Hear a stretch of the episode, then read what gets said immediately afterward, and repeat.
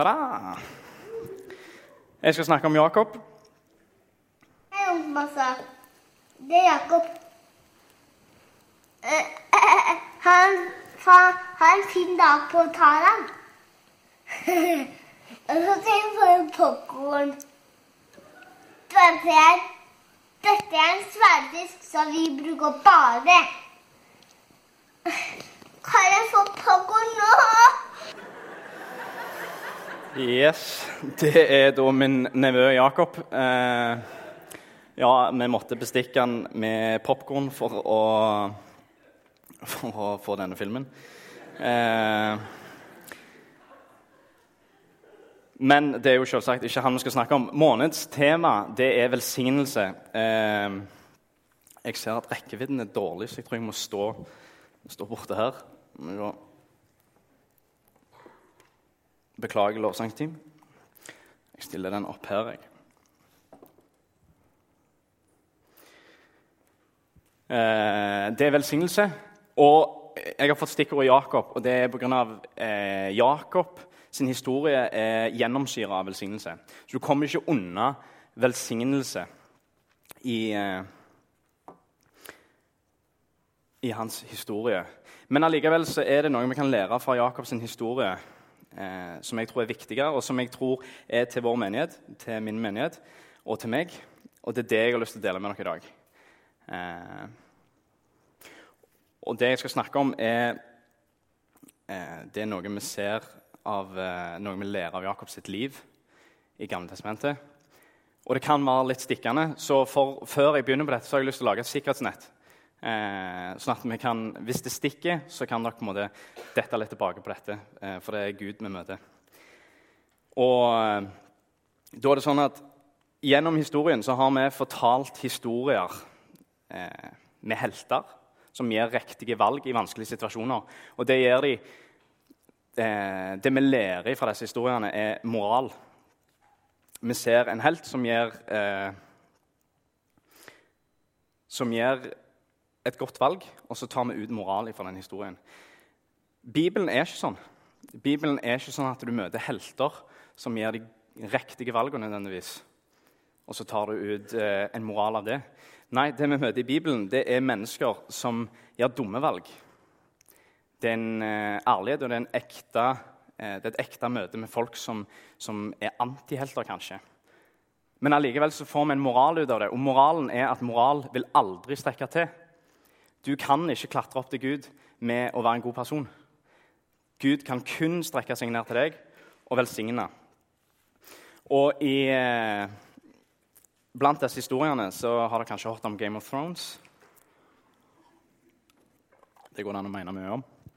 Men forfatteren George R.R. Martin han skriver noe veldig lurt. Eh, for han har òg skjønt at eh, det som appellerer til hjertene våre, det er ikke nødvendigvis eh, disse klassiske historiene. Han skriver The battle of good and evil is a great subject for any book, and certainly for a fancy book. But I, but I think ultimately the battle between good and evil is waged, det betyr kjempe, uh, within the individual, individual human heart, and not necessarily between an army of people dressed in white and an army of people dressed in black. Det er en indre kamp, eh, ofte er de vi møter i Bibelen. Og Jakob er en sånn person. Og vi, vi skal prøve å zoome litt inn på den indre kampen eh, som, eh, som, jeg har lyst til å snakke om. Og det er Han har lengsel, han har tomrom. Eh, og det tror jeg ganske mange kan kjenne seg igjen i. Jeg, jeg tror Når en snakker hjerte til hjerte med folk, så kan en eh, oppleve at en har den samme lengselen, en har det samme behovet i seg, men en vet ikke helt hva det er, og en klarer ikke helt å sette fingeren på det. Det er litt det jeg har lyst til å snakke om i dag. Og For å gjøre det strukturert så skal vi se på eh, eh, hvorfor denne lengselen, misoppfatningen som ofte følger med denne lengselen, og oppfyllelsen av denne lengselen. Og det er mye en kan ta Jakob på i forhold til, dette. her. Men det, jeg, eh, det vi skal spesielt kikke på Og nå vil jeg at dere skal holde dere fast, for jeg tror gjerne det, eh, det gjelder i hvert fall meg. Og jeg tror det gjelder alle her inne, selv om en er kristen eller om en ikke er det. Det er at vi har det tomrommet, vi har den lengselen, og så prøver vi å fylle det opp med ekte kjærlighet. Vi prøver å fylle det opp med ei jente eller en gutt. Og Det skal vi se at Jakob òg gjør. Mirakel. Så hvorfor, hvorfor eh, har han denne lengselen etter ei jente? Jakob, altså.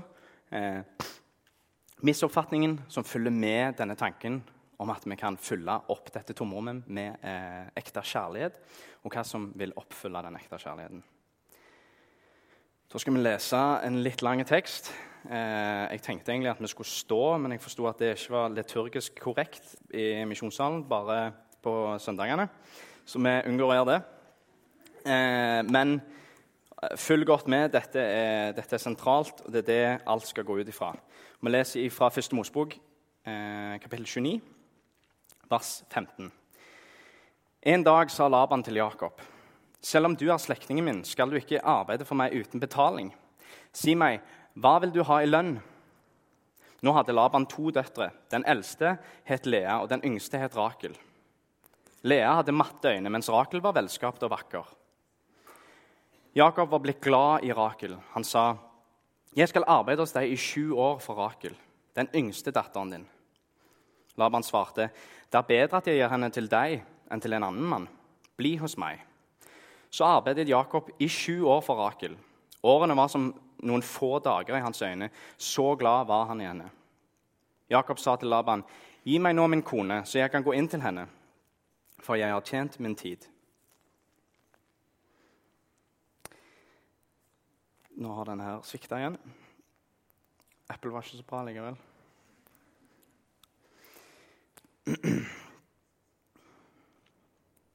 Da samlet Laban alt folket på stedet og laget til et festmåltid. Om kvelden tok han datteren Lea og førte henne til Jakob, og han gikk inn til henne. Laban satte Silpa, slavekvinnen sin, til å tjene hos Lea.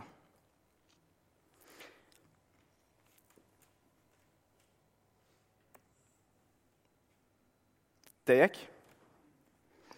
Men da det ble morgen, sa men da det ble morgen, se, da var det Lea. Jakob sa til Laban, 'Hva er det du har gjort mot meg?' 'Var det ikke for Rakel jeg tjente hos deg?' 'Hvorfor har du lurt meg?' Laban svarte, 'Vi gjør det ikke slik her hos oss at vi gir bort den yngste før den eldste.' 'La bryllupsuken gå til ende, så skal du få den andre også,' 'mot at du arbeider hos meg i sju år til.' Jakob gjorde som han sa. Han lot bryllupsuken gå til ende, og Laban ga ham datteren Rakel til kone. Laban satte Bilhas, slavekvinnen sin, til å tjene hos Rakel. Så gikk Jakob inn til Rakel også, og han elsket Rakel, mer enn Lea. Siden arbeidet han hos Laban i sju år til. Ok, kontekst. For at vi skal forstå Jakob, så må vi vite litt om hvem han er, og hvordan livet hans har vært. Jakob han har opp, eh, han har vokst opp i skyggen av sin eldre bror Esau. Esau var en maskulin, hårete kar eh, som, som, faren favoriserte. Så Jakob han, han, har vokst opp i skyggen av broren sin. I tillegg så har faren elska Esau og ikke han. Så han har blitt neglisjert. Eh, vi ser at Jakob eh, prøver, har, kjenner på dette tomrommet. og Han prøver å fylle det opp med, med eh, status. Eh, bety noe i familien. Han vil bety noe, han vil ha en verdi. Så det Jakob gjør, er at han, han stjeler arven til Esau. Han lurer Esau til å gi han hele arven sin, og han er sleip, han gjør noe umoralsk. Her er denne antihelten som vi snakket om.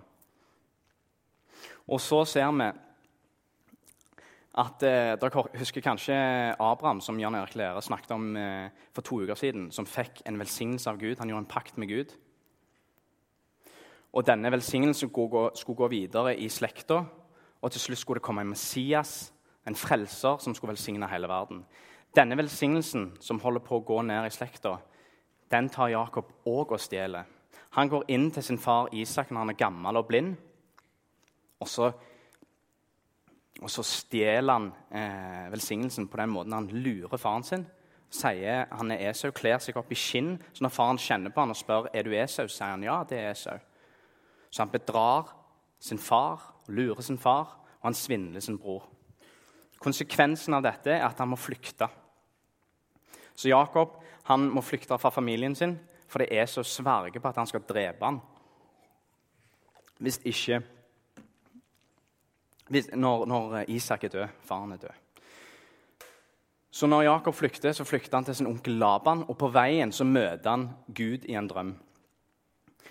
Og Gud sier, på tross, på tross av at du har gjort alle disse dumme valgene, du har vært umoralsk, så skal jeg velsigne deg på tross av dette.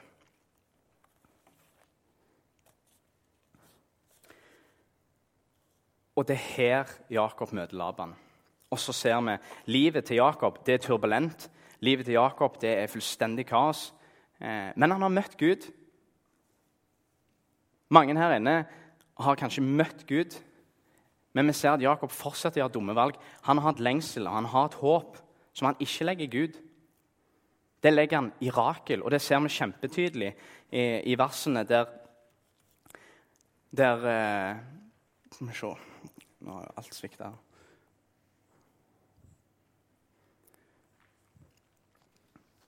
Jeg skal arbeide hos deg i sju år for Rakel, sier han.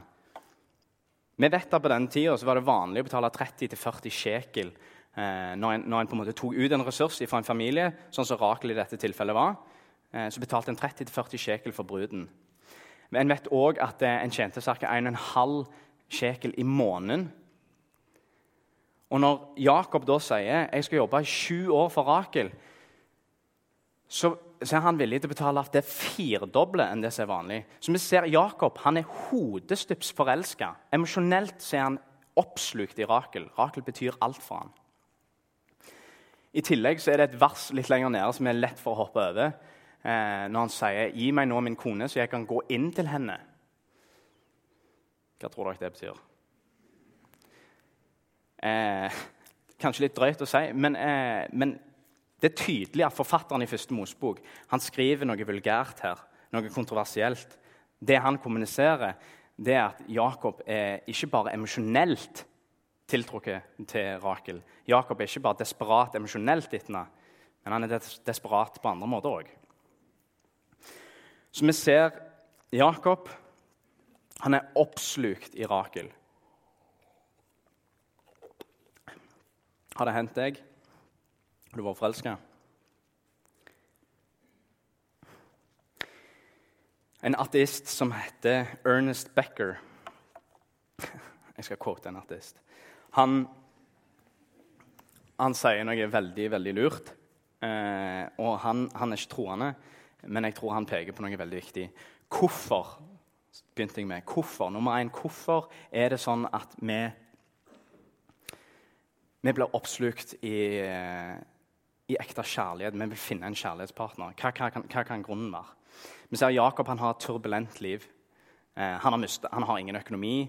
Han eh, familietragedie. Han, han, han kommer til Laban, og han har ingenting.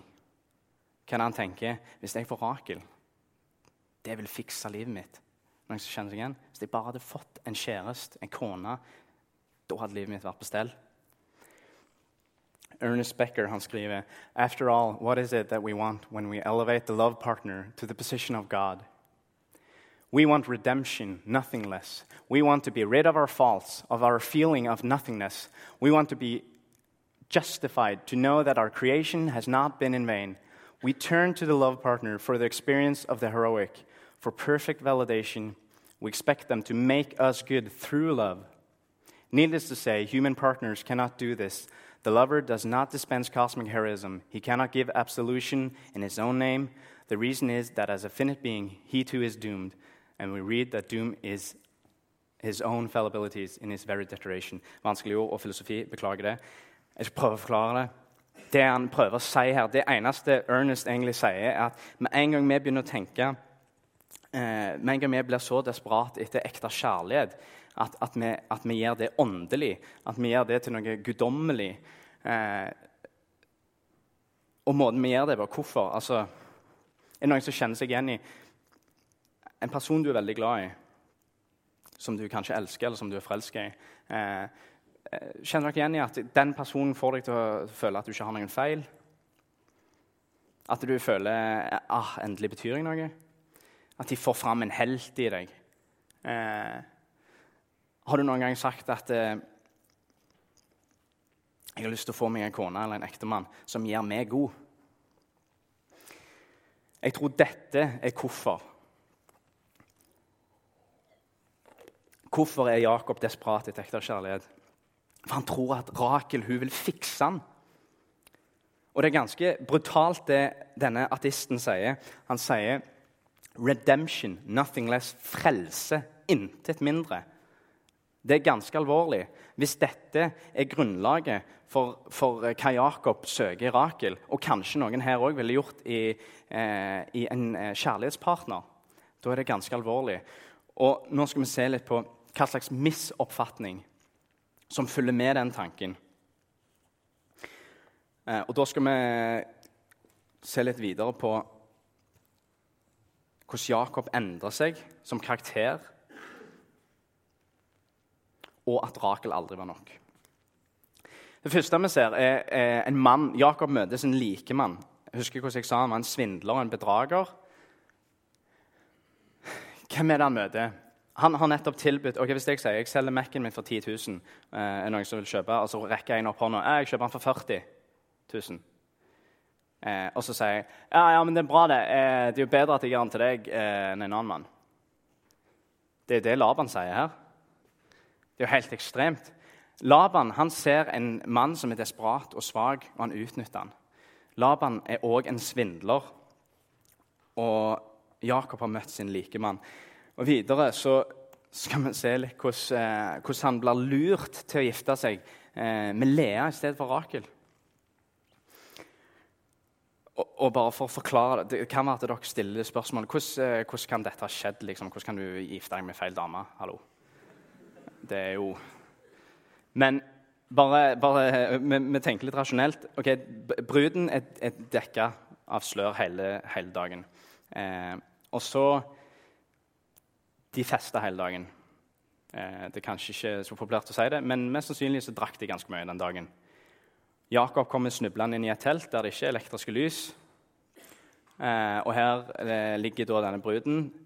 han er ganske bedugga. Vi vet at han var ganske sexfrustrert fra før av. Og så skjer det som skjer.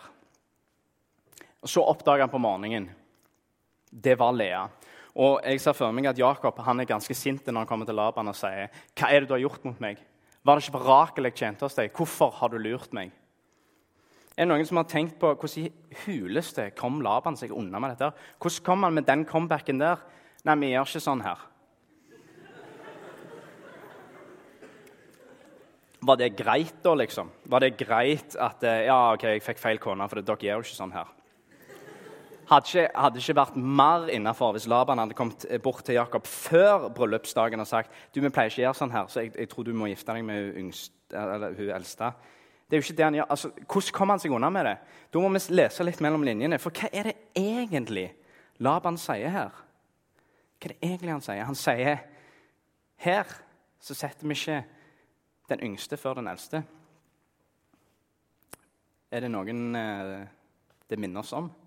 Jeg tror et ildspyd går gjennom samvittigheten til Jakob idet han får den comebacken. For han innser dette er mine synder. Dette er det jeg har gjort. Jeg svindla broren min. Jeg tok arven hans. Jeg tok Esau sin arv. Jeg satte meg over han. Jeg tok den åndelige velsignelsen som Gud har eh, lovt til vår slekt. Den tok jeg òg. Jeg satte meg over, over min bror.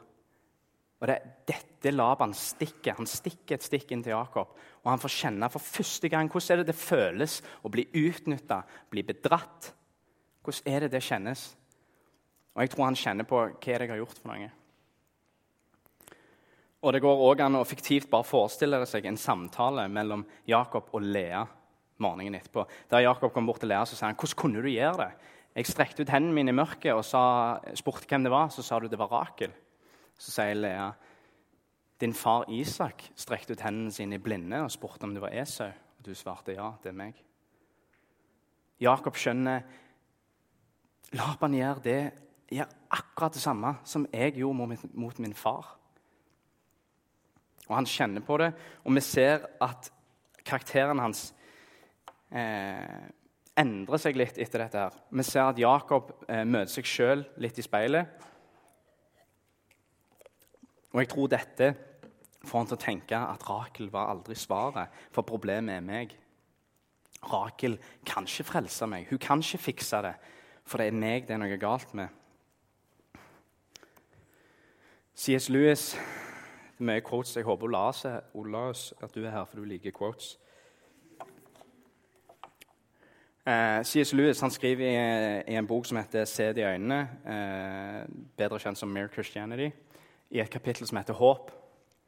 Om folk flest virkelig hadde lært å se inn i sine egne hjerter, ville de også vite at de higer etter noe som ikke kan gripes i denne verden. Det er så mangt og mye i denne verden som kanskje tilbyr å gi det til oss, men de holder aldri løftet helt. De lengsler som vokser frem i oss når vi første gang blir glad i en annen, eller første gang tenker på et fremmed land, eller første gang tar fatt på et emne som opptar oss, er lengsler som ikke kan bli virkelig tilfredsstilt. Verken av ekteskap eller ferier eller berømmelse for lærdhet. Jeg snakker om de best mulige. Det var noe vi grep etter i det første øyeblikkets lengsel, som svinner helt bort i virkeligheten. Alle skjønner hva jeg mener. Hustruen kan være en god kone. Hotellene og landskapene kan ha vært fremragende, og kjemi kan ha vært meget interessant, men noe har glidd unna fra oss. Snakket litt om hvorfor. Ernest Becker som sier litt om det. Turbulent liv. Og så misoppfatningen. Det at vi tror at en kjærlighetspartner vil kunne oppfylle dette. Kan gi oss frelse, kan gi oss, kan fikse livet vårt. Det er noe jeg tror veldig, veldig mange tenker. Kanskje dere ikke tenker det bevisst, men jeg tror det ligger til grunn for eh, den søken, denne tanken om at jeg skal finne meg en mann, og så skal jeg få unger, så skal jeg få hus, og så skal alt bli bra. Eller jeg skal finne meg en kone.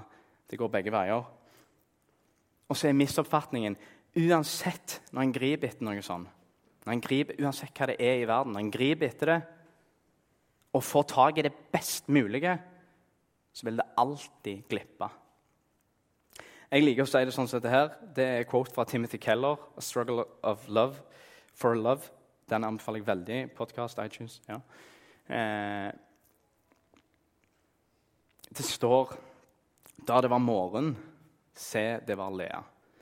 Jeg liker å si det sånn Hvis vi tenker disse lengslene, denne håp, dette håpet, dette tomrommet som vi prøver å fylle Hvis vi gjør det med et eller annet verdslig, uansett hva det måtte være, så er det sånn at du kan gå til sengs med Rakel, men da det var morgen, se, det var Lea. Og det vi vet om Lea, er at hun hadde matte øyne. Det betyr selvsagt ikke at hun, hun, så, eh, hun så så langt med Rakel, hun så kjempelangt. Det betyr Lea var ikke hun var ikke smykk. Det er det det betyr. Mens Rakel hun var velskapt og vakker.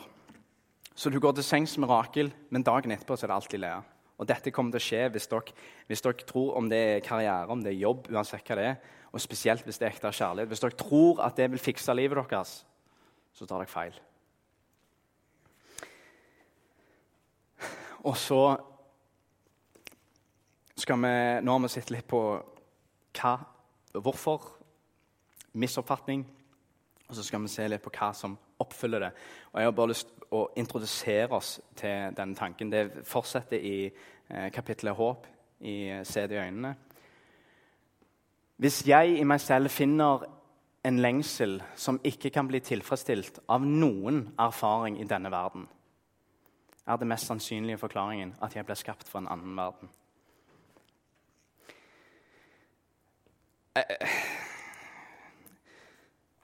Hvis alle hadde lest Mere Christianity, så hadde det ikke vært vits for meg å ha tale. Uh, C.S. Lewis er et geni, og dette her peker på Det oppsummerer egentlig alt dette her. Når det kommer til eh, en kjærlighetspartner, når det kommer til jobb, når det kommer til alt dette her som jeg tenker hvis, hvis jeg bare hadde hatt en god jobb, hvis jeg bare hadde ditt, hvis jeg bare hadde datt, da hadde livet vært bra. Det er tull.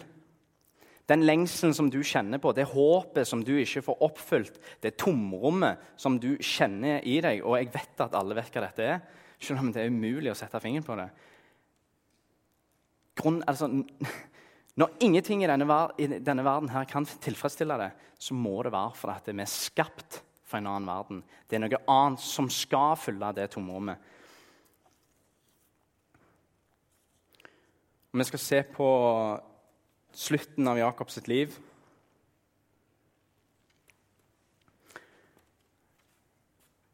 Og eh, jeg lovte dere at det, hva som oppfyller det.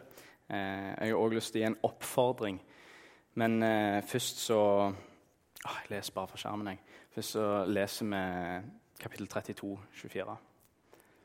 Jakob var alene tilbake, og en mann kjempet med ham helt til det grudde av dag. Da mannen så at han ikke kunne vinne over ham, ga han Jakob et slag over hofteskålen så hoften gikk ut av ledd mens de kjempet. Og han sa, 'Slipp meg, for morgenen gryr.' Men Jakob svarte, 'Jeg slipper deg ikke uten at du velsigner meg.' 'Hva heter du?' spurte mannen. 'Jakob', svarte han.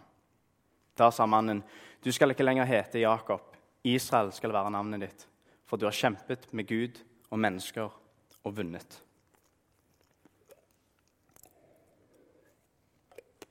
Jeg er en av de som begynner å smatte hvis ikke jeg drikker.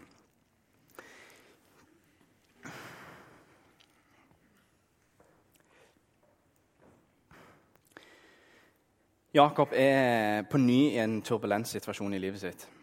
På ny så, så er han i en kjempevanskelig situasjon. Broren Esau er på vei mot ham med 400 ryttere. Han, han, vet ikke hva som kommer til å skje. Eh, og denne gangen så ser vi at Jakob han går til sides, og han går til Gud. Han går til Gud og bryter. Denne gangen så, så har han skjønt eh, gjennom sin reise med Gud at Rakel var aldri nok. Det lengsle, den lengselen, det håpet og det tomrommet jeg har, det kunne ikke ekte kjærlighet fylle opp med. Selv om jeg fikk den deiligste dama i hele regionen, så var ikke det nok. Og Denne gangen så går han til Gud, og når han har tatt disse dumme valgene opp gjennom livet sitt, så ser det ut som at han må kjempe med Gud. Det står han blir slått over hofta. Husk det. Og så står det òg Gud spør han hvem han er. Og her tror jeg forfatteren av Første Mosebok prøver å kommunisere når han sier Jakob. Visste du at navnet til Jakob betyr bedrager? Jeg tror Gud spør hvem er du, Jakob? Og endelig, for første gang i Jakobs eh, sitt liv, så tar han og møter Gud, så sier han dette er meg. Jeg er en bedrager, jeg er en svindler. Jeg har alltid prøvd å være først.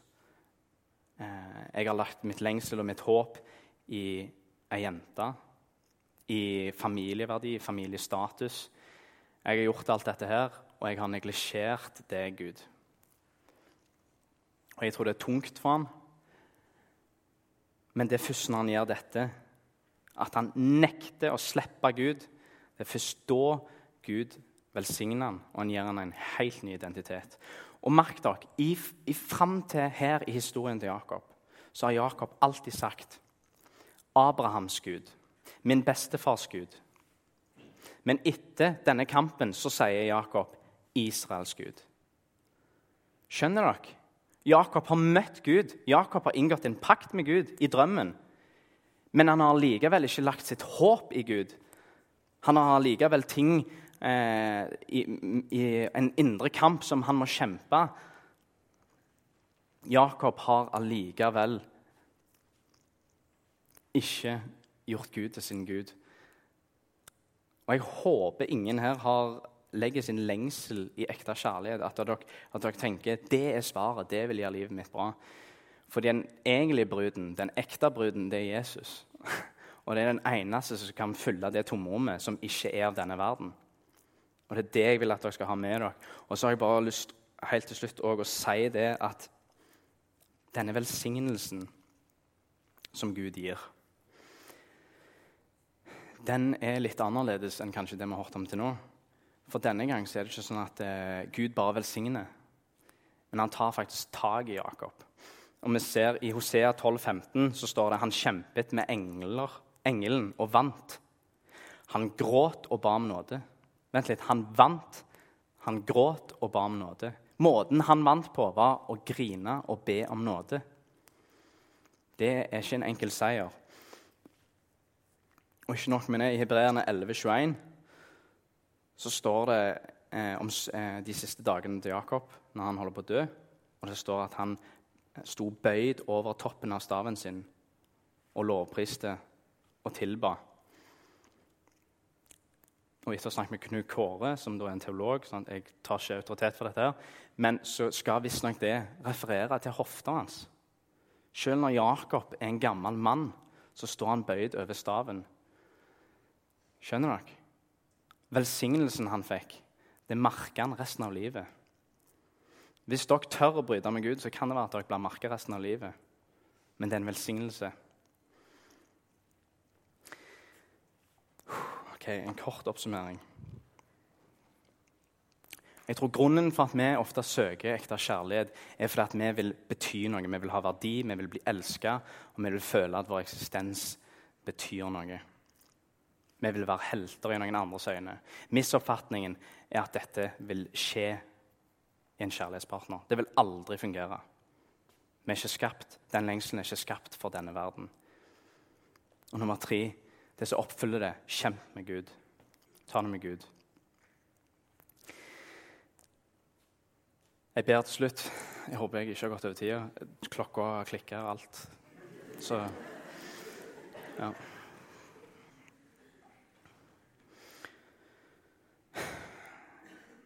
Jesus, jeg, jeg takker deg for at uh, uansett hvor turbulent livet vårt er, uansett hvor kaos livet kan være, og hvor mye dritt vi kan oppleve,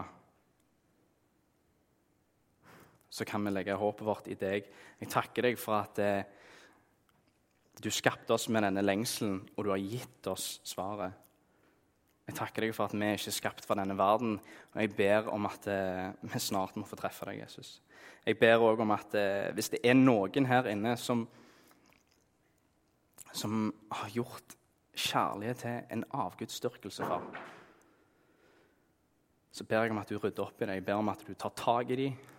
Jeg ber om at de må få kjenne det i hofteskåla, at de må bli merka resten av livet. Hjelp oss, far, til å legge all vår tillit, alt vår håp i deg og ingenting annet. I ditt hellige navn. Amen.